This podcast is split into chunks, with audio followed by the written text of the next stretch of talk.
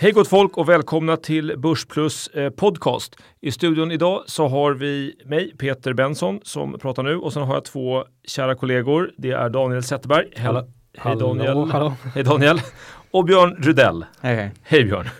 Och eh, den här podcasten gör vi då med eh, viss regelbundenhet och eh, syftet är att framförallt titta lite bakom gardinen på några av de analyser som vi skriver på analystjänsten Börsplus. Eh, och här i podden så får man en liten gratis inblick i några av de hundratals analyser som vi skriver varje år. Och blir man gratismedlem som man kan bli på vår sajt, då får man läsa ytterligare ett antal gratis och får även ett veckobrev utskickat till sig. Men eh, ska man njuta av allting så ska man såklart bli betalande prenumerant. Och även det blir man på vår sajt. Eh, exempelvis genom att testa att läsa någon analys som är låst och bara tillgänglig för prenumeranter. Den här podden produceras av Finwire Media och den sponsras av Spotlight Stockmarket. Bra. Eh, och vad ska vi prata om idag? Frågar jag retoriskt och svarar själv. Jag hade tänkt att prata om någonting i stil med tveksamma kassaflöden, eller hur ska vi beskriva det? Mm, lite redovisningsproblematik, kassaflöden. Mm.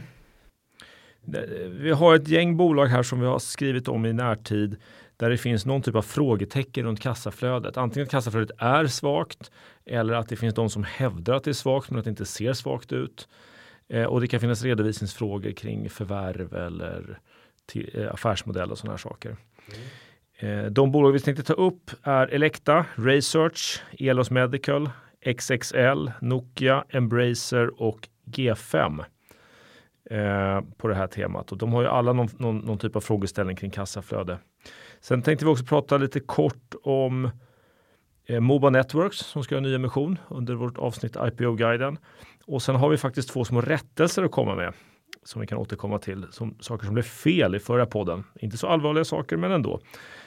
Eh, men det var ju två saker som har blivit rätt också på sistone. Vi fick två bud på två aktier vi haft köpråd på. AdCity Media kom idag va? När vi spelar in det här. Mm, precis, idag tisdag. Just det.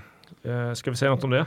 Ja, det är ett bolag då som sysslar med utomhusreklam. Eh, så att man har sådana här stora skärmar i större städer. Just det. Eh, både digitala och analoga, men det rör sig mer och mer mot det digitala hållet. Och idag så var det ett brittiskt bolag som heter eh, så mycket som eh, Ocean Outdoor som eh, la ett bud. Så en ganska saftig premie på 40 procent drygt. Så Mm, att, eh, häftigt. Mm. Lite oväntat. Vi hade inte skissat på något bud va, i vår analys. Nej, eh, men nu när man, eh, de här Ocean Outdoor, de köpte faktiskt ett svenskt bolag, eh, Visual Arts, eh, här i september månad. Så att eh, de verkar ha satt igång konsolideringen. Så att där kanske man kunde fått någon ledtråd, men Ja, vi ja. tycker ändå att det var ganska oväntat att Mm. det blev ett bud här. Men välkommet. Mm, absolut.